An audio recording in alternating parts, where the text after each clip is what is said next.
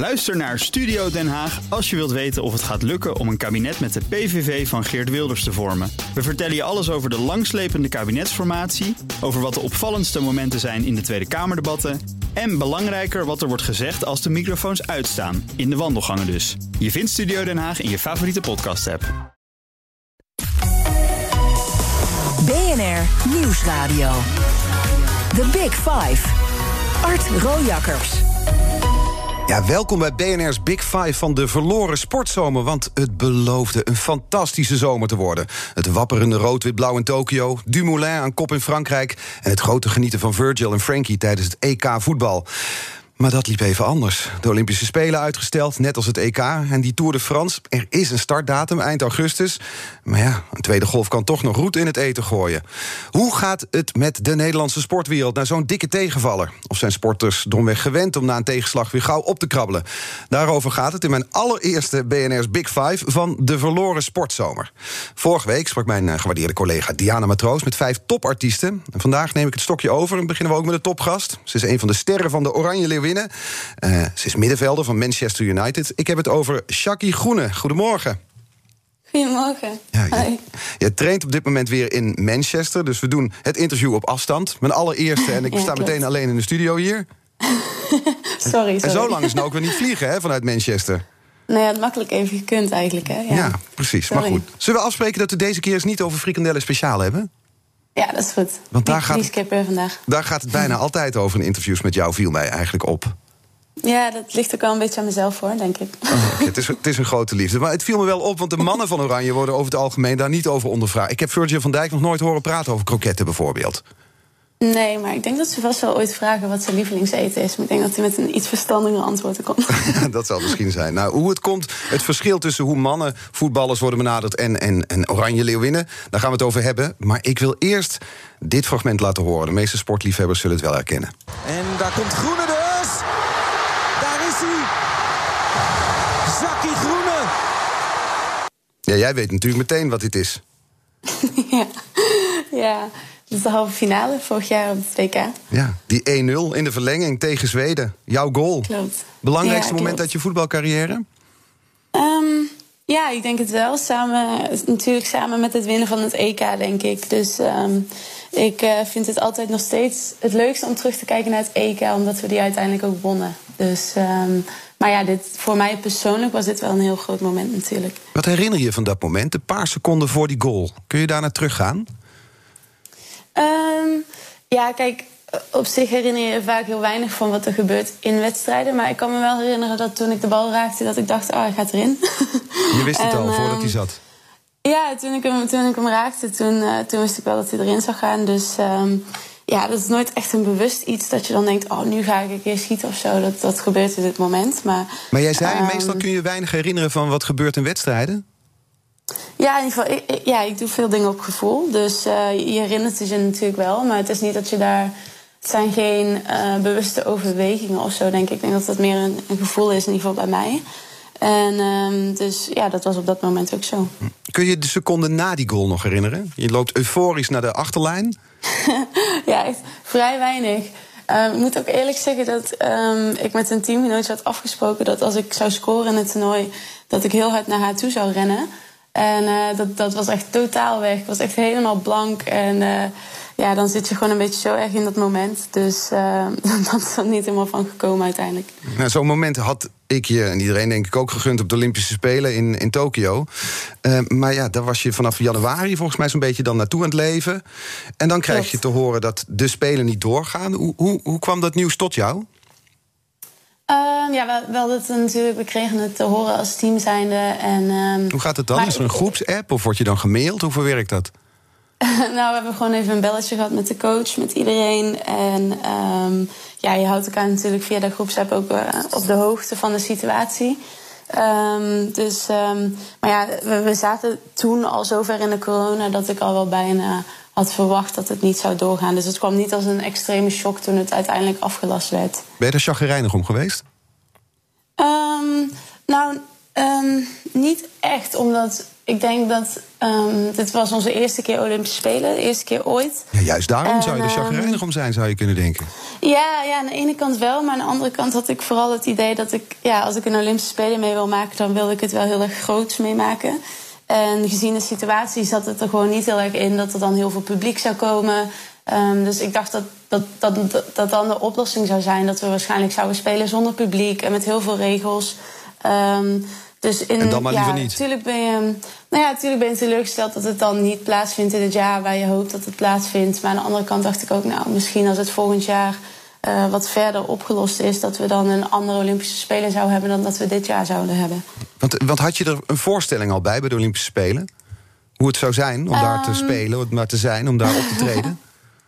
nou, niet per se, maar ja, ja, ik, ik, zie de Olympische Spelen wel als iets heel groots. Als, als heel veel mensen die komen kijken. En uh, het is in Japan, dus lange reizen. En um, ja, gewoon die sfeer van de Olympische Spelen, dat, dat lijkt me wel echt heel, heel erg bijzonder. Ja. Ja, ja, dat ging dus niet door. Het breekt corona uit. Wat deed jij vervolgens? Want je moet toch ja, je moet in vorm blijven, je, je, je mag niet spelen. Hoe zag jouw leven eruit? Al snel naar huis gegaan. Um, in Engeland uh, brak het iets later extreem uit dan in Nederland. Dus in Nederland lag al, lagen al veel dingen plat. Um, en mijn ouders die maakten zich ondertussen ook wel wat zorgen. Dus toen hier de trainingen gecanceld uh, werden, ben ik eigenlijk meteen naar huis gevlogen. Want je ouders maakten zich zorgen om jouw ehm, gezondheid?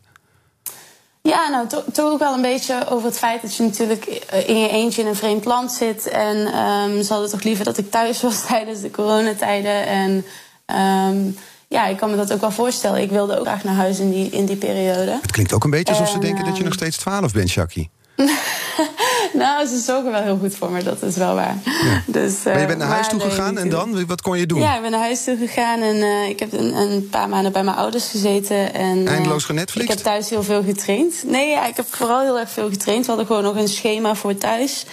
Um, dus ja, ik heb veel getraind en, en, eigenlijk veel tijd met mijn familie doorgebracht. Omdat dat was eigenlijk al wel weer tien jaar geleden dat ik echt lang thuis ben geweest. Mm um, dus ja, ik, ik heb daar gewoon uh, op een bepaalde manier ook wel een beetje gebruik van gemaakt, denk ik. En dat trainen, hoe moet ik me dat voorstellen? Want dat, dat doe je normaal met je team. Dan staat er een, een, een, coach tegen je aan te roepen. En, nu, was het in de achtertuin bij je ouders? Was het zoals je als kind ooit begon? ja, eigenlijk wel. Dus uh, je had gewoon een, een vast trainingsschema en uh, daar zat echt alles in, van lopen tot gym en techniektraining. Alles uh, staat daar dan op. En uh, ik heb wel het geluk dat mijn ouders ja, voor heel veel dingen um, ja, zorgen eigenlijk. Dus ik, ik heb achter in, het, in de tuin een klein voetbalveldje. En van de garage hebben ze een gym, gym gemaakt. Dus um, ja, ik had best wel veel dingen tot mijn beschikking om fit te kunnen blijven. Ja, en dus bleef je daar aan de slag. En waren het dan ook je ouders die je stonden toe te roepen... hoe dat je harder moest trainen, meer moest doen? nee, die fase is ondertussen wel een beetje voorbij. En wanneer begon het dus, gemis uh... van het voetballen? Want het is leuk en aardig bij je ouders in de tuin trainen... en elkaar ja. een keer verspreken als je elkaar jarenlang weinig ziet. Maar op een gegeven moment begint het weer te jeuken. Ja, ja, ja, je hebt sowieso wel een beetje dat je denkt van... ik mis... Ik begon op een gegeven moment wel heel erg het ritme te missen van... Um, ja, toch een beetje dat topsportersritme van opstaan, eten, trainen en zo. Dat, dat, uh, je raakt op een gegeven moment in een soort stamine of zo. En ja, dat, dat vind ik op een bepaalde manier toch ook wel weer fijn. En dan had ik eigenlijk ook niet helemaal verwacht dat ik dat zo erg zou missen dan, uh, zoals ik dat deed. En wat miste je daaraan? Um, het ritme? Of ja, hoe moet je daarbij voorstellen? Ja, het, ritme, denk ik. Het gewoon het naar het trainen rijden en dan in de kleedkamer komen. En um, ja, dat, dat ritme, denk ik. Gewoon dat fijne dat als je s ochtends opstaat, dat je gewoon weet wat je gaat doen die dag. En nu dan? hoe, hoe, was dat nu? Voel je je dan nu ontheemd? Of hoe moet ik me dat voorstellen? Nou, op het begin niet hoor. De eerste week dacht ik, oh, het is eigenlijk wel lekker een keertje een beetje rustig aan. Ja, dat is vakantiegevoel, uh, maar daarna, na een paar weken. ja, ja, maar na een paar weken dacht ik wel van... Uh, van goh, ik wil gewoon uh, met het team trainen, zeg maar. Met gewoon met, met z'n allen, dat je niet alles op jezelf hoeft te doen. Uh, het is ook best zwaar om fit te blijven alleen, zeg maar. Om alleen te trainen vind ik, vind ik pittiger dan met een groep. Um, dus dat miste ik op een gegeven moment wel, denk ik. Ja. Maar dit kan ik me wel voorstellen dat je dan, ja, je zit dus in die tuin, dan ben je dan in, in de gym bij je ouders, maar je, je mist die groep om je heen, je mist de, de, de, die, die kleedkamerlol, zal ik maar zeggen. Mm -hmm. uh, dan is het ook wel makkelijk om een beetje af te glijden. Ben je, ben je hopeloos uit vorm nu? nee, Nee, ik, ik kan dat nooit zo goed. Ik, ehm, het is best wel makkelijk om af te glijden, maar ik ben dan s'avonds raak ik heel erg gefrustreerd als ik iets niet heb gedaan. Dan ga ik het te laat s'avonds nog doen. Oh ja, dat is het Ehm, moment dus dat ik ik dan chocola pak. wel. Als ik ehm, gefrustreerd ben, s'avonds laat. ja, ja, maar dan merk ik gewoon aan mezelf van, oh, ik heb dit geskipt vandaag, ga ik het toch nog maar even doen. Ja, dat is nou het dus verschil ik tussen de topsporter en de rest, hè? moment best wel, ja. ja, dus ik had op een gegeven moment wel een beetje een soort vast ritme voor mezelf gemaakt. En bedacht, als ik alles gewoon een beetje voor twee uur eh, probeer te doen...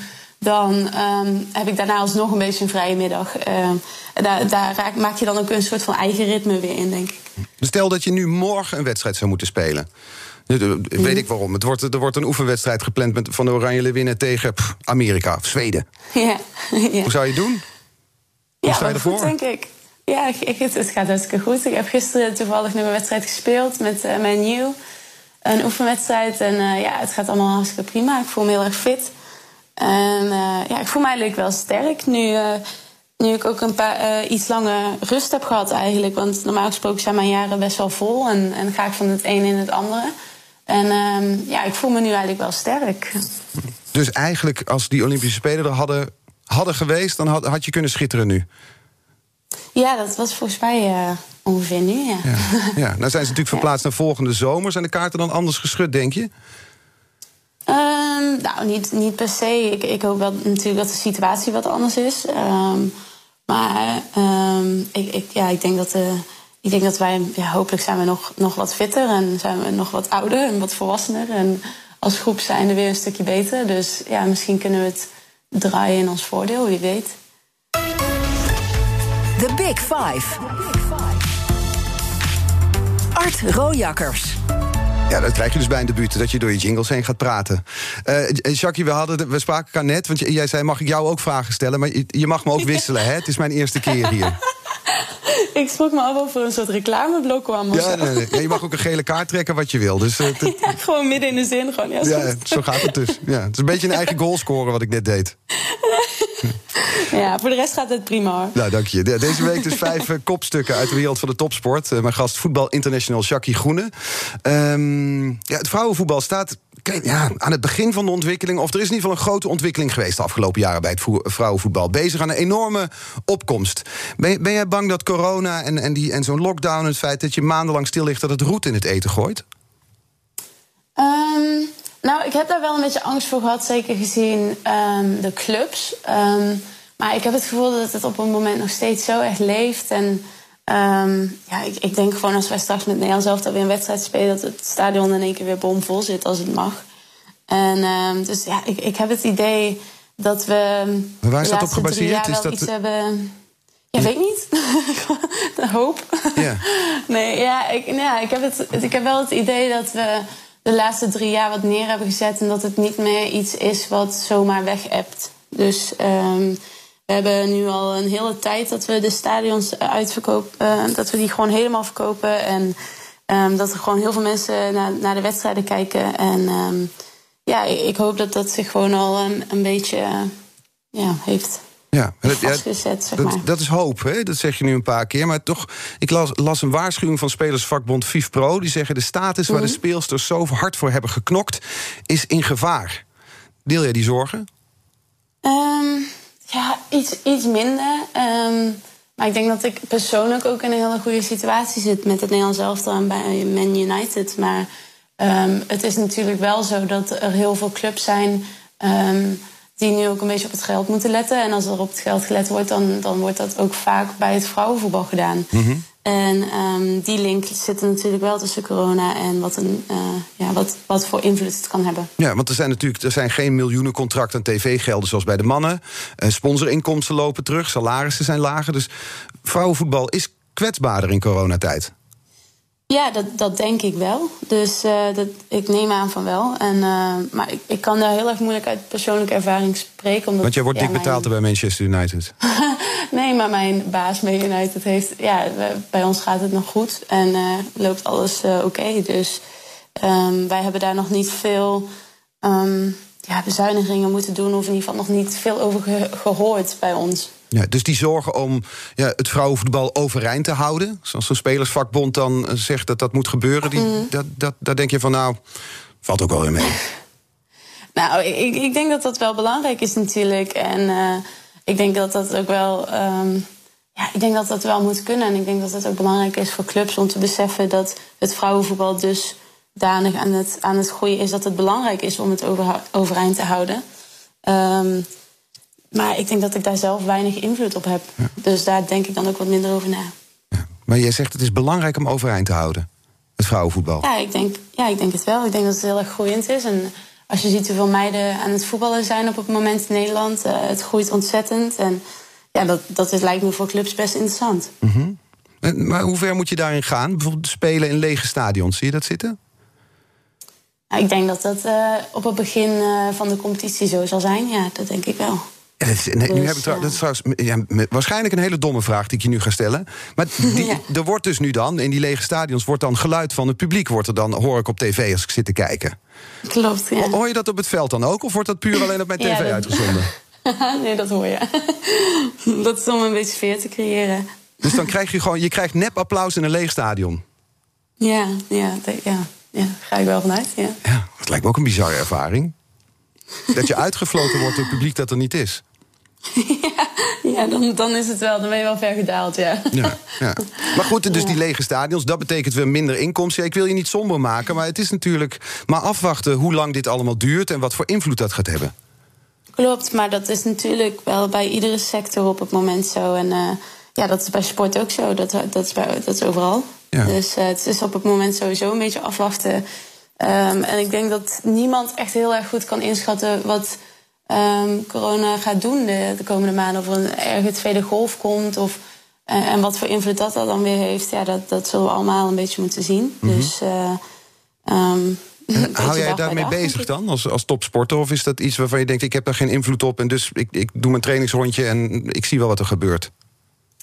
Ja, ik, ik weet niet of dat per se topsport eigen is. Maar ik, ik, ja, ik heb dat gewoon als persoon zijn. Als ik er niet zo heel veel invloed op kan hebben... dan, ja, ja, dan kan ik me er heel veel zorgen over maken. Ja, tuurlijk maak je er een beetje zorgen over. Maar um, het is nou niet dat ik uh, ja, daardoor minder train of zo. Dus... Uh, het, het, houdt niks in op mijn schema of, of wat ik moet doen. Want hoe, hoe, hoe ver is dat schema van jou in de war gegooid? De, de kalender van het komende speelseizoen bijvoorbeeld? Ja, wij, um, ja, het is wel een beetje door, ja, door elkaar gegooid nu. Um, dus, uh, maar als het goed is, beginnen wij in september gewoon weer aan de competitie. Als alles goed blijft gaan. En um, dan kunnen we in principe gewoon een een, ja, laten we het een normaal voetbaljaar draaien. Mm -hmm. um, met wat extra trainingskampen volgens mij van het Nederlands elftal. Want die hebben we wat gemist sinds maart. Um, dus het zal gewoon vooral heel erg druk worden, denk ik. Ja. Veel wedstrijden. Wedstrijden die heel kort op elkaar zitten. Ja, dat denk ik wel. Ik denk dat het heel druk wordt en uh, ja, veel wedstrijden spelen. En uh, ja, hopelijk ook weer wat reizen en zo. Dus uh, dan, dan wordt het vanzelf wel weer, weer druk. Ja, ja. Wat is eigenlijk erger, dat de Olympische Spelen niet doorgaan voor de vrouwen of het EK-voetbal voor de mannen? Wat vind jij ja, voor mij persoonlijk de Olympische Spelen. ja, dat snap ik. nee, ja, ik, uh, ja, het lijkt me voor allebei uh, niet heel tof natuurlijk. Dus uh, iedereen bereidt zich voor op zoiets. En dus dat, dat geldt voor de mannen net zoals voor ons. Ja, die, die vergelijking tussen mannen- en vrouwenvoetbal. Hè? Dus dat de, de Spelersvakbond zegt... ja, het vrouwenvoetbal is, loopt meer gevaar nu door de coronacrisis dan uh, de, de mannen. Um, ja. Ja, jij, jij, speelt nu bij Manchester United. Nou ben ik en heel veel luisteraars van BNR Nieuwsradio natuurlijk benieuwd hoe, hoe die bedragen bijvoorbeeld staan in verhouding tot het mannenvoetbal. Ik weet dat Memphis Depay ooit voor, dat is dan zijn de geruchten, 27,5 miljoen naar Manchester ging. Mm. Hoeveel hebben ze voor jou betaald eigenlijk?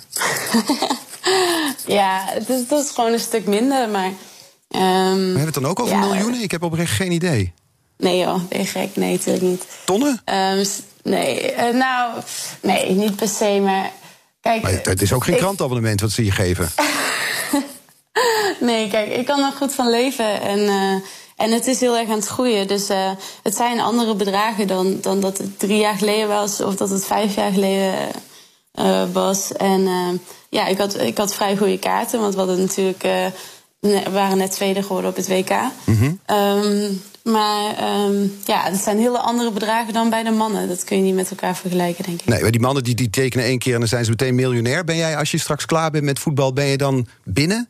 Hoef je nooit meer iets nee, te doen? Nee, zeker niet. Nee, nee. Nee, ik ben gewoon nog aan het studeren. Ik zit op de Unie en... Uh, je studeert recht, um, hè, in ehm, Tilburg? Klopt, ja, ja klopt. Dus, ehm, en dat vind ik eigenlijk ook hartstikke leuk. En uh, nee, dat is een heel ander, ander idee dan bij de mannen. En dat, dat, dat is ook oké, denk ik. ik ja, dat zien veel mannelijke voetballers ook niet doen, hoor, recht te studeren om eerlijk te zijn. die hebben het ook heel druk. Ja, met foto's van leigers maken en zo. Ja. Maar die, dat, dat recht te studeren aan de universiteit, is dat dan, moet ik dat zien als een plan B? Zo van nou, als het voetbal er straks op zit, dan, dan kan ik dat gaan doen? Um, nou, aan de ene, ene kant wel. Um, aan de andere kant vind ik het ook persoonlijk gewoon heel erg leuk om te studeren. Er zijn genoeg meiden die uh, alleen puur voetballen. En dat kan op het moment ook. Je kunt er goed van leven. Mm -hmm. um, maar ik, ik vind het wel gewoon heel erg leuk om, om af en toe even uit te schakelen en wat anders te doen. Um, eigenlijk wat niet per se in mijn bubbel zit, zeg maar. Dus iets wat, um, ja, wat even buiten de, sport, de sportwereld stapt. En uh, daar, daar hoort mijn studie ook bij. En, en hoeveel uur ben jij per week aan de studie kwijt? Ja, nou, het ligt heel erg aan de fases. Dus uh, ik heb bijvoorbeeld het laatste half jaar vrij weinig gedaan... omdat de Olympische Spelen eraan kwamen. Um, en dan zit je toch nog in een iets drukker schema. Wat meer voorbereidingen, wat meer media. Um, en uh, nu tijdens de corona had ik wat meer kunnen doen. maar, um, Je spreekt als een luie student? Um, ja, nou ja, ik, ik, dacht eigenlijk gewoon, nou heb ik drie maanden of zo om, om echt vol aan de studie te gaan. Maar ik, ik heb vooral eigenlijk genoten van mijn familie en van de vakantie. Um, dus, uh, maar ik ben nu weer begonnen. Ik ben nu weer aan het oppakken. Vanaf september uh, begint het weer. Dus ik hoop dat ik dit jaar wat vakken kan halen. Ja. Nou is natuurlijk wat flauw om Memphis Depay met jou te vergelijken. Want ja, de bedoelde bedragen die omgaan in dat mannenvoetbal... die zijn natuurlijk astronomisch. Um, maar toch, ik, ik, las een interview waarin jij ook voorkwam. Er zijn een andere Oranje Lewin, Merel van Dongen. Een paar jaar ja. geleden was dat zij dat als jullie net zoveel aandacht willen als het mannenvoetbal... nou, gezien de bedragen willen jullie dat wel, kan ik me voorstellen... dat jullie dan waarschijnlijk naakt zouden moeten gaan spelen. Heeft ze dat gezegd? Ja. ja. ik denk dat ze het grappend bedoelde, maar toch. Uh, ja, ik denk wel dat er iets van sarcasme bij zat. Mm -hmm. Ik vind het wel een heel erg een merelopmerking. Ik vind, vind die meid wel leuk. Ja. Um, maar ja, dat, dat, denk ik niet. Um, ik denk dat het op het moment heel erg goed gaat. En ik denk dat er heel veel... Um, ik denk wel dat wij nog een ander publiek trekken dan de mannen. Ik denk dat als ik kijk naar onze stadions... dan zijn het heel veel gezinnen met kids. En dat vind ik eigenlijk wel heel erg leuk. Um, dat het zo erg aanspreekt bij de jeugd. En dat er zoveel jonge meiden, maar ook jongens graag naar onze wedstrijden komen. En dat heeft ook een beetje te maken met de sfeer. En um, de sfeer rondom de wedstrijden, denk ik. En, um, dus ik, ik, ik, denk dat wij ook op, op het moment een beetje een ander publiek trekken. En dat is, helemaal niet, dat is helemaal niet erg. Dat vind ik juist heel erg leuk. En ook misschien wel een nieuw publiek interesseren in, in voetbal dus. Ja, dat, dat denk ik wel. En, en ik, ik, denk dat het heel erg belangrijk is dat, dat jonge meiden naar, naar, onze wedstrijden kunnen komen tegenwoordig. En dat ze iets hebben om naar uit te kijken. En toen, ja, toen ik jong was, toen, toen voetbalde ik niet met het idee... ik word later profvoetballer, want dat, dat zat er gewoon nog niet zo in. Dat, dat, dat idee had je niet. Want je, had niet iemand waar je naar keek en dacht... oh god, als, um, als zij dat kan, dan kan ik daar ook naartoe komen. En um, ja, dat, dat was veel minder toen ik jong was. Ik, had, ik keek altijd naar de mannen en ik speelde vaak met die jongens. En dan dacht ik, god, zij mogen straks in een stadion voetballen en ik niet. En, en dat is al gewoon een heel groot verschil. Um, nee, nou, toen ik heel erg jong was, toen dacht ik vooral... ik ga ook tussen de jongens voetballen. en um, um, ja, maar op een gegeven moment ga je wel denken... je wordt wat ouder en zo en je gaat denken, ik moet wat studeren. En uh, ja, dan, dan denk je wel, er zit hier heel weinig toekomst in. En dat is nu heel anders. Ja, want die toekomst is er zeker. Ik bedoel, jij bent een rolmodel voor veel meisjes. Ja, wij, wij als team zijn, zijn, zijn zeker wel, ja, zijn wel belangrijk voor jonge meisjes, denk ik. Ja, dat denk ik wel. Ja. Ja, in, in dit interview is Jackie's, Jackie's voorliefde voor frikandellen... het feit dat ze vrijgezel is, nog niet langsgekomen... terwijl haar dat in zo ongeveer elk interview wordt voorgelegd. Straks hebben we het over waarom we dat soort dingen... nooit van mannelijke voetballers horen. BNR Nieuwsradio. The Big Five. Art Rojakkers. Ja, welkom bij het tweede half uur van BNR's Big Five. Deze week vijf kopstukken die me alles kunnen vertellen over de verloren sportzomer van 2020. En vandaag is mijn gast Shaki Groene, Oranje Lewin, middenvelder van Manchester United. En Shaki, we zijn nu een, eh, een half uur onderweg, een half uur in gesprek. We hebben het nog niet gehad over frikandellen speciaal. We hebben het nog niet gehad over het feit dat je ook een beetje gitaar speelt, of dat je, of je al wel of niet een relatie hebt. Terwijl het daar eigenlijk in bijna alle interviews die ik met jou heb gehoord, gezien en gelezen, daarover lijkt te gaan. Nou, niet alle toch? Nou, wel, wel is, maar. Het viel me op en ik dacht, wat een verschil. Ik, ik hoor de mannen van Oranje, of het nou Virgil van Dijk, Frenkie de Jong of Memphis Depay is, nooit praten over dat soort onderwerpen. Of beter gezegd, nooit gevraagd worden naar dat soort onderwerpen. Ehm, ja, nou, ja, weet ik eigenlijk niet per se. Wij, ehm, het ligt natuurlijk ook een beetje aan in welke fase je zit. En ehm, bijvoorbeeld tijdens een WK zal niemand daar ooit naar vragen. Dus eh, het ligt een beetje aan wat er, aan, wat er, wat er aankomt en zo. En in Het ligt er ook aan hoe serieus je genomen wordt, dacht ik. Ehm, ja, dat, dat weet ik eigenlijk niet per se. Ik denk dat wij ehm, op een bepaalde manier ook heel erg open zijn naar de media. Dus dat, dat dat ook op een bepaalde manier makkelijker is voor de media om te vragen aan ons dan aan de mannen. Ja, maar du- dus bij die Ehm. mannen zit ik dan naar van die kurkdroge, saaie interviews na een wedstrijd te kijken. Waarin ze zeggen dat ze alles voor het team doet en, eh, doen. En we hebben het samen gedaan. En nou, al die niet zeggende antwoorden. En bij jullie leeft het en bruist het. Maar ik dacht, ja, het is, het is ook ja, alsof de mannen zeg maar, nog meer, veel meer op een voetstuk staan dan jullie. Ja, ehm, ja, misschien is dat ook nog wel op een bepaalde manier. Maar ik denk wel dat ook de openheid die wij hebben, dat dat, dat ook wel meebrengt, zeg maar. En dat het daardoor wat makkelijker is om vaak een beetje van het onderwerp af te, af te glijden. Ehm, maar ik merk wel dat dat steeds minder en minder wordt, omdat we ook steeds meer, ehm, steeds meer belangrijke wedstrijden hebben. Dus het wordt ook steeds belangrijker en dan, dan, eh, ja, dan draait het uiteindelijk altijd wel om het voetballen. Of is het ook vanwege het andere publiek waar we het eerder over hadden? Jij zei, wij trekken nieuw publiek misschien wel naar voetbal. Gezinnen, mensen met kinderen. Is het ook omdat dat niet de traditionele voetballiefhebbers misschien zijn... die naar urenlange analyses van een wedstrijd willen luisteren... dat het op die manier nou ja, verwelkomend is voor veel mensen? Ja, misschien wel. Ik heb altijd het idee dat mensen ons heel graag willen leren kennen. En dat hoort er misschien wel een beetje bij. Ja. Wil je het dan toch over Dus, frikandellen eh, speciaal hebben nu? Bedoel je dat? Nou, niet per se, maar als je eentje naar Engeland kunt sturen, dan. Met curry of ketchup? Dit is gewetensvraag, hè? Oh god, ja, wel met, ehm, ja, met curry, denk ik. Nou, gelukkig maar. Ja, want anders was dit gesprek nu afgelopen. Dan hadden we gewoon een eind aan moeten Kort breien. interview. Ja, ja. Maar die vergelijking, want ik doe het nu ook al een, een, een poosje... die vergelijking tussen het mannenvoetbal en het vrouwenvoetbal... komt je die de keel uit?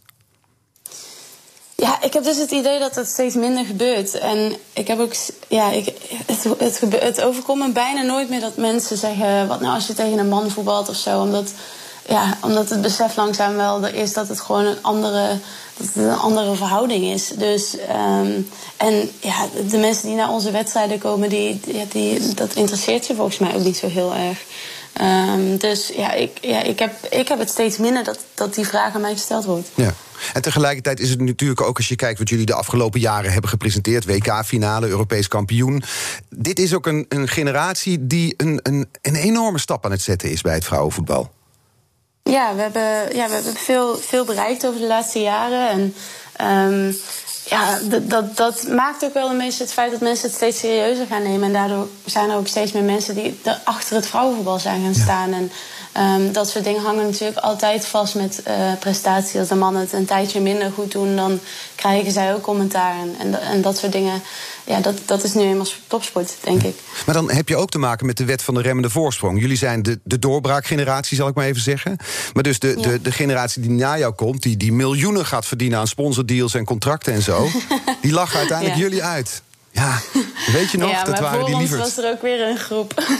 voor ons was ook een groep bezig met, met, met ontwikkelen en zo. En die, die hebben nooit in volle stadions mogen spelen. En ja, het, het is een beetje... Tuurlijk, je zit altijd in die... ont- Als je in een ontwikkelingsfase zit, hoort dat erbij, denk ik. En eh, ja, ik vind het eigenlijk nog steeds wel heel erg leuk... dat ik in een groep hoor die een beetje van allebei heeft meegemaakt. Omdat als wij in een heel vol stadion spelen, dan besef ik me nog steeds dat we ook in stadions hebben gespeeld met alleen 20 man familie, zeg maar. Dus ehm, ja, dat is echt wel. Dat heeft ook wel weer iets heel erg leuks, vind ik. Ik ben wel heel erg blij dat ik in deze lichting zit. Ja, ja. Eh, mijn gasten stellen elkaar vragen via de kettingvraag. Nou zeg ik mijn gasten, maar vrijdag was hier uh, Treintje Oosterhuis te gast... bij Diana Matroos, mijn collega, hier in de Big Five van de topartiesten. En Treintje had deze vraag voor jou. Wat fascineert haar aan Johan Cruijff? Ze heeft dat rugnummer, ja. uh, dat is haar grote voorbeeld... En dat, dat snap ik natuurlijk, want dat hebben heel veel mensen. Hij is voor mij ook een voorbeeld. Maar ik ben dan gewoon benieuwd of zij dat kort, bondig kan omschrijven wat het echt is. Kort en bondig, je hoort het van Treintje. Goed, kort en bondig. ja, want je speelt met rug nummer 14. Klopt, ja, ik speel altijd met 14. Ja, ik vind zijn. Uh, ja, ja, heel kort is een karakter eigenlijk. Dus ik, ik hou wel van dat. Um, van het strijdbare dat hij heeft. Uh, een beetje het, een soort van rechtvaardigheidsgevoel dat het, wat er altijd bij zit. En, um, maar wel dat, dat pittige, dat staan voor waar je voor wil staan. En, en dat vind ik bij hem vond ik heel erg indrukwekkend op het veld. dat eens concreet, kun je daar een voorbeeld van geven? Ja, ik, denk dat hij heel vaak heeft gebotst met mensen, maar wel omdat hij staat voor, voor wat hij. Wat hij, wat hij wilde bereiken en wat hij dacht dat het beste was, zeg maar. En ik, ik hou wel van Um, ik hou wel van die mentaliteit. En, en, dat had hij op het veld, maar dat had hij ook buiten het veld. En als je dat aan, aan, op twee vlakken kan, vind ik dat heel erg indrukwekkend. Heb je daar iets van over proberen te nemen? Um, nou, ik, ja, ik, ik, denk dat je het sowieso een beetje hebt als je. ik merk heel erg in, in hoe meer landen ik kom, hoe Nederlands ik ben. Dus dat wij sowieso wel wat directer zijn dat, dan, andere, um, dan andere mensen. En dat brengt je in de problemen? Ja, soms wel, denk ik. Ik denk dat, dat ik wel wat directer kan zijn tegen bijvoorbeeld een coach. Als ik het ergens niet mee eens ben, dan dat, dat andere meiden zijn. Ah, wacht even, wacht uh, even, Jackie. Want ik, wij zijn nu ruim een half uur met elkaar in gesprek. Ik heb werkelijk geen moment gedacht dat er iemand is die zich aan jou kan storen. Maar jij, jij beweert nu dat je in een kleedkamer zo kan zijn dat een trainer moeite heeft met jou? Nee, maar, nou, niet moeite heeft met mij, maar als ik het ergens niet mee eens ben, dan, dan zeg ik het wel, ja. dan zeg je het, ja. Maar of sla je met, de, met, met je vuist op tafel, gooi je met schoenen? Wat moet ik me erbij voorstellen? Nee, Hoe ziet dat, de felle Jacqueline schoenen eruit? nee, ik ben geen, uh, geen smijter of zo, nee. Maar ik, ik, ik heb wel altijd mijn eigen mening. Ja, maar omdat Johan Cruijff, uh, je zei het al, ik, ik vertaal het even in mijn eigen woorden... is een man waar ook conflicten ja. bij horen. Maar dat, dat ja. beeld heb ik niet van jou. Um, Nee, nou, ik, ik ben geen conflicten maken of zo. Maar ik, ik denk wel dat, dat ik heel erg sta voor waar ik voor sta op het veld, maar ook buiten het veld. En wat is dat? Soms, uh, ja, ik kan wel een mening hebben over voetbal bijvoorbeeld. En als ik, als ik vind dat een trainer de, daar anders in kijkt, dan ga ik daar wel het gesprek mee aan. En dan, uh, ja, dat kan wel eens, het kan wel eens botsen. Soms botst dat ook niet. En soms zeggen ze, oh, dat vind ik eigenlijk ook wel. En dan ben ik heel trots. um, maar ja, dat is gewoon. Uh, ik denk dat het ook wel een beetje iets Nederlands is. Maar um, ik, ik hou er wel van om, om te staan voor je eigen mening. Ja. En te doen wat je. Ik, ik heb altijd wel het idee dat ik precies kan doen wat ik zelf leuk vind. En dat komt ook wel omdat ik dat door kan zetten. Had je trouwens had je geen, je had geen vrouwelijk voorbeeld in het voetbal dus? Daarom, daarom koos je voor Johan Cruijff? Um, nee, ik had, ik had het niet echt. Ik denk dat dat in mijn mijn tijd ook wat, wat minder aanwezig was dan dat dat nu is. Hm. Um, dus um, ja, ik had, nee, ik had dat niet echt. Ik, had, ja, ik, ik, was altijd heel erg van Johan Cruijff. En dat kwam vanwege mijn opa en mijn vader. En um, die lieten mij daar beelden van zien. En ja, ik vond dat altijd heel erg interessant. Ja, dan dus zei ze, Jacques, kom eens even zitten op de bank. ja, eigenlijk wel, ja. En dan? Ja.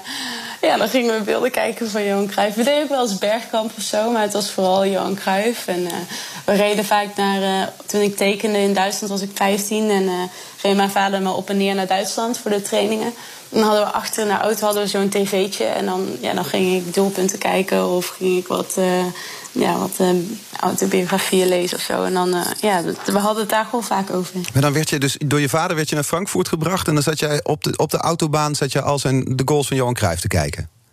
Ja, ik speelde op dat moment in Duisburg. Maar oh, Duisburg. ja, voor de, rest, uh, voor de rest wel, ja. En welke goal ja. van Johan Cruijff kan je dus... Welke, welke heb je wel honderd keer gezien? Ja, de penalty sowieso. Uh, maar gewoon ja, bijna allemaal wel tegen AGV en zo. Dus uh, alle, ja, bijna alles heb ik wel een beetje doorgekeken. Is het, ja, ja, het is misschien een gek idee, maar er zijn nu dus misschien wel meisjes die dit doen met jouw goals. Die die goal tegen Zweden bijvoorbeeld terugkijken, die verlenging op het WK, die 1-0. Ik zal zeggen, het wordt een korte videoband. Ja, maar het was wel een mooie. ja, ehm, ja, misschien wel. Misschien dat de meiden naar kijken en denken: God, dit is wel heel cool om mee te maken. En uh, ja, dan kan ik alleen maar zeggen: dat is het ook. Dus. Uh, ja, dat, dat, ja, misschien wel. Ik hoop het. Het zou leuk zijn. Ja, want die voorbeeldfunctie, ik bedoel, er lopen nu meisjes rond met, met een shirt met jouw naam erop. Wat, wat, wat, doet, wat doet jij dat als je dat ziet? Ja, ik vind dat altijd wel heel bijzonder of zo. Ik moet ook nog steeds wel een beetje aan wennen. Um, maar ik, ja, het is gewoon heel erg leuk om je eigen naam zo uh, achterop iemands uh, shirtje te zien. En uh, ik vind het ook heel erg tof altijd als, ze, als ik jongens zie met, met groene achterop of zo. Dat vind ik ook altijd wel heel erg tof. Want dat is een beetje de, de omgekeerde wereld van wat ik vroeger had. En ehm, ja, dat, dat is echt wel heel erg cool om te zien. En dat is wel ja, dat had ik me vijf jaar geleden niet voor kunnen stellen. Nee. En als er dan één ja, iets is wat jij jouw fans wil meegeven, nou jongens of meisjes zijn, of die 317.000 volgers die je hebt op, op Instagram. He, Cruijff, daar heb jij van geleerd. Hij, hij, hij, staat voor eerlijkheid, hij staat voor wie die is. Hij durft conflicten aan te gaan. Wat hoop jij dat jouw invloed is op die fans van jou? Um, oh ja, dat vind ik wel moeilijk om te zeggen. Ik weet niet in, in hoeverre ik zoveel invloed kan hebben op fans. Maar ja, ik weet niet. Ik denk, ik denk dat, je, dat het belangrijkste is, en dat, dat is met het sporten zo, maar dat is denk ik ook in het gewone leven zo, dat je gewoon je eigen keuzes maakt en daarachter staat. Dus um, je hoeft eigenlijk nooit te doen wat iemand anders wil. En dat, uh, ja, dat, daar probeer ik wel een beetje naar te leven. BNR Nieuwsradio. The Big Five. Art Rojakkers. Je luistert naar BNR's Big Five van De Verloren Sportzomer. Mijn gast vandaag, Jackie Groene, Oranje Lewin, middenvelder van Manchester United. En een grootheid op Instagram, meer dan 300.000 volgers. Ben je, ben je naast voetballer eigenlijk ook influencer, Jackie?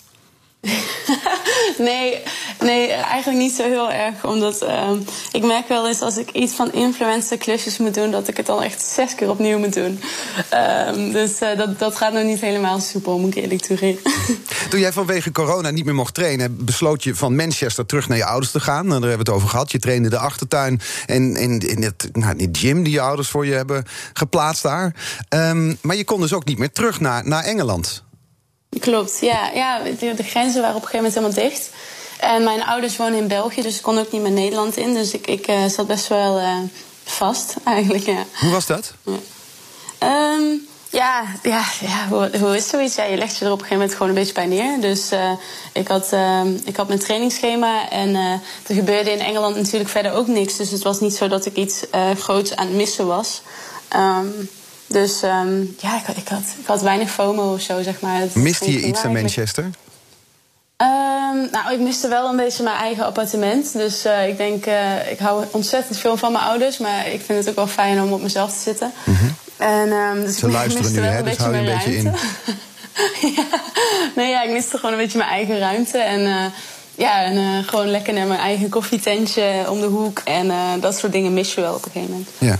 En maak je eigenlijk zorgen, want je bent nu weer terug in, in Manchester. Uh, maak je zorgen om de ontwikkelingen rondom corona in, uh, in het Verenigd Koninkrijk? Ja, het, is hier natuurlijk niet, niet heel, heel best geweest. En wij zitten op het moment in Manchester weer in een lockdown. Dus wij kunnen nog wel trainen. Um, maar wij kunnen vrij weinig andere dingen doen dan dat. Um, dus ik, ja, ik, ik ben wel benieuwd hoe het zich gaat ontwikkelen natuurlijk. Dus ik hou het wel allemaal heel erg in de gaten. En uh, volgens mij komt Boris Johnson de 15e weer met een update. Dus uh, ik ben benieuwd uh, hoe het dan gaat. Hoe ziet die lockdown eruit? Want je mag wel trainen. Betekent dat dat je van je appartement naar het trainingscomplex gaat en terug en dat was het? Um, ja, we mogen wel, um, we mogen wel buiten uh, elkaar ontmoeten. Dus we mogen wel buiten op afstand afspreken en wandelen en in parken gaan zitten en dat soort dingen. Uh, maar we mogen op het moment uh, nog niet in restaurants of in pubs of in gezellige dingen komen. Dat mag je toch niet als, als profvoetballer? Komen. Nou, we mogen best wel uit eten hoor, dat mag wel. Dat, dat mag dan wel. Nog, nog, net, ja, dat mag nog net. En, en waar stonden jullie met Manchester United in, in alle competities? Hoe, wat, is, wat is er afgebroken? Uh, wij stonden op de vierde plek. Dus wij stonden, um, wij stonden eigenlijk net onder de top drie. En uh, dat was voor ons um, ja, best oké. Okay. We hadden ons eerste jaar in de... Man United is nog niet zo heel erg lang bezig met vrouwenvoetbal. We zijn net begonnen. En we hadden ons eerste jaar in de, in de WSL, de Premier League, zeg maar. Um, dus dat, dat was eigenlijk heel erg aardig. Dus uh, we waren eigenlijk wel tevreden met hoe het ging. Ja. En dit, is dit jouw eindstation eigenlijk, Manchester United? Of is er nog een club waar je van droomt? Ehm, nou, ik moet wel zeggen dat Man United altijd mijn droomclub is geweest. Dus uh, in dat opzicht is het misschien wel mijn eindstation. Um, ik word ook wat ouder, dus uh, wie, wie, weet. maar je droomt niet van een transfer naar Barcelona, zoals je grote voorbeeld? Um, nou, niet, niet, per se. Ik zit hier eigenlijk wel heel erg goed nu. Uh, je dus was net te lang stil, Shaki. Dit is het antwoord dat je moet geven van Manchester United. Maar die seconde stilte die je liet vallen, die, die zei wel wat. Nee, nou ja, weet je wat het is met het voetbal? Je weet het, je weet het ook nooit. Misschien uh, voel je je over een jaar wel weer heel anders. En uh, misschien wil je ook een tijdje wel weer naar huis. Ik ben ook al lang van huis weg. En uh, ik, ik weet het gewoon niet. Dat, dat gaat altijd een beetje per seizoen of zelfs een beetje per, per dag eigenlijk. Dus uh, dat zullen we wel zien. Maar ik moet wel zeggen dat, dat Man United altijd een beetje mijn droomclub is geweest. Dus toen zij startte met vrouwenvoetbal, toen was ik al snel hier. Heb je jezelf aangemeld? Want dat heb je bij Oranje ook gedaan. Hè? Je, moest, je moest zelf bellen naar de bondscoach om te zeggen: vergeet jullie mij niet. Ja, klopt. Ja, nou, hier uh, bij ManU is dat, is dat niet gebeurd. Dus uh, ik werd zelf gebeld en toen had ik uh, nog een contract. En toen hebben ze me uiteindelijk overgehaald richting, richting Engeland. Dus dat iets, was een iets andere situatie. Ja, dat is de, de, jou, jouw toekomst is dus niet, in ieder geval het komende jaar bij Manchester United. En dan volgend jaar ga jij de winnende goal in de Olympische finale scoren. En daardoor goud halen. Nou ja, ga ik wel vanuit. Dan spreken ja. we hierbij af. Maar, maar ja. de toekomst van het vrouwenvoetbal in het algemeen, hoe, hoe zie je dat? Want als je, nou ja, nu, nu is alles anders, maar normaal zitten bijvoorbeeld in Amerika de stadions vol als, als vrouwen teams mm. spelen. Gaan we die kant ook op in Europa, denk je? Ja, ik heb het gevoel van wel. We hebben steeds meer wedstrijden um, die we gewoon in volle stadions spelen. Um, de stadions worden steeds groter, er, er is steeds meer interesse. Um, als, hier, als wij hier met United Man City spelen, dan, dan leeft het echt in de hele stad. En um, ja, dat is gewoon hartstikke leuk. Het, het begint gewoon. Uh, ja, het staat gewoon nog steeds een beetje op het begin van de ontwikkelingen. Maar het, het gaat wel heel hard. En dat is wel heel erg leuk om te zien. Wat moet er gebeuren voor de volgende stap? Hoe, wat is de volgende stap om het vrouwenvoetbal nog professioneler te maken? Nog meer inkomsten te laten genereren? Ja, ik, ik denk gewoon steeds meer mensen in het stadion. Ik denk dat, dat, dat, ja, dat alles alles in sport is uiteindelijk gebaseerd op publiek, denk ik. Ja, maar dan zit je wel een lastige um, tijd nu dus. Want we hebben het eerder gehad over het feit dat, dat is, je verwacht een lege stadions te gaan spelen. Ja, maar ja, dat is nu met alles zo. Dat is bij de mannen nu ook zo natuurlijk. En, uh, maar ik, ik denk wel dat als we even over de corona heen kijken, is dat. dat onze successen bij het Nederlands elftal ook samenhangen met het feit dat je steeds meer publiek hebt gekregen. En dat er steeds meer mensen achter staan. En, uh, en dat is wel heel erg leuk om te zien dat het steeds groter wordt, ook in het vrouwenvoetbal. Ja, maar als we dan samen dromen, we, we, bedenken nu even corona, is eind dit jaar zijn we er wel vanaf, op de een of andere manier. En dan ja, kijken we eens een paar jaar in de, in de toekomst. Wat, hoe zie jij dan, hoe zie je het voor je? Wat is de, wat is de stand van het vrouwenvoetbal? Ja, ja, kijk, als het blijft ontwikkelen, dan, dan wordt het steeds groter en groter. Ik bedoel, de toernooien die wij spelen, um, dat zijn al toernooien waar, waar alles uitverkocht is. Waar ik vrienden heb die appen en zeggen: Kun je alsjeblieft nog een ticket regelen voor mij voor dit? En uh, dat, dat is allemaal al vrij ver ontwikkeld. Dus een, ik denk dat de eerste grootste stap die moet komen... is dat het ook overslaat op de competities. En uh, dat dat dus ook in Nederland gebeurt. En dat er steeds meer mensen gaan kijken naar de wedstrijden in Nederland... van Ajax en PSV en, en dat soort dingen. Um, dus dat is gewoon iets wat nog over moet slaan op de competities, ja. denk ik.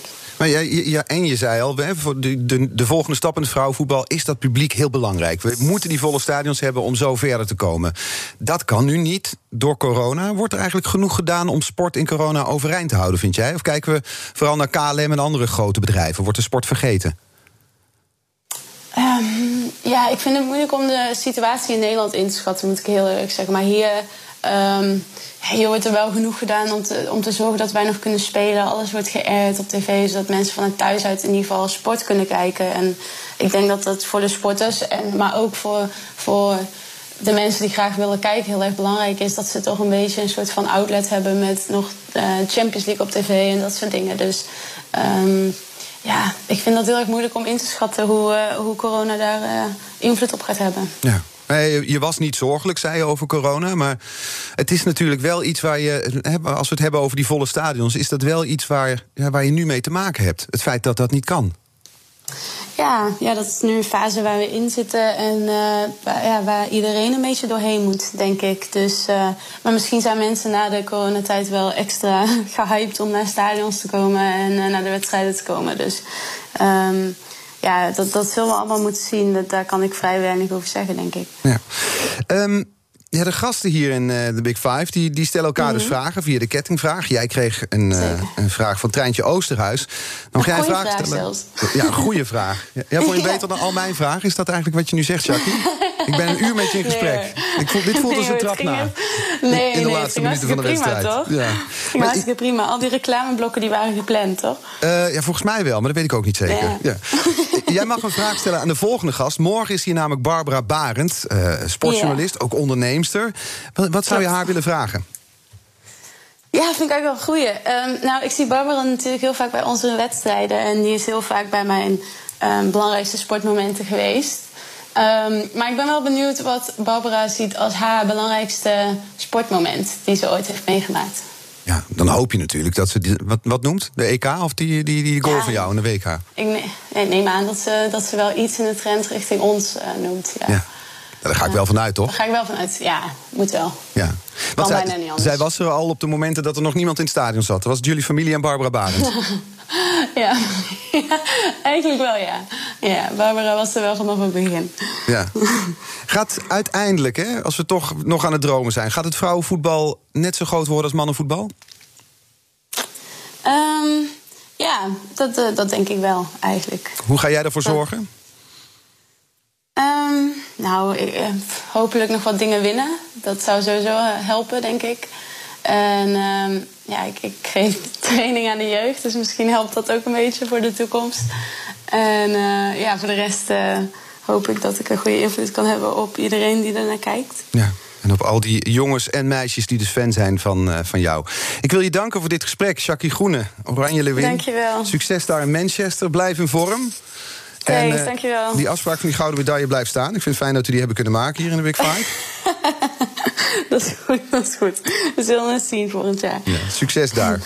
en en, en uh, zijn jullie nou net als ik sportfan? Luister dan vooral ook naar BNR's Sportzaken. Uh, daarin veel meer. Sportzaken, logischerwijs, want dat is de titel. En alle afleveringen van BNR's Big Five zijn natuurlijk terug te luisteren. Je vindt de podcast in de BNR-app en ook op bnr.nl. Dit was mijn eerste, morgen mijn tweede Big Five, dan dus met Barbara Barend. Maar nu eerst Jurgen Rijman met Ask Me Anything. Tot morgen. Ook Harm Edens vind je in de BNR-app. Je kunt BNR Duurzaam niet alleen live luisteren in de app, maar ook terugluisteren als podcast, zoals al onze podcasts. En naast dat de BNR-app Breaking News meldt, houden we je ook op de hoogte van het laatste zakelijke nieuws. Download nu de gratis BNR-app en blijf scherp.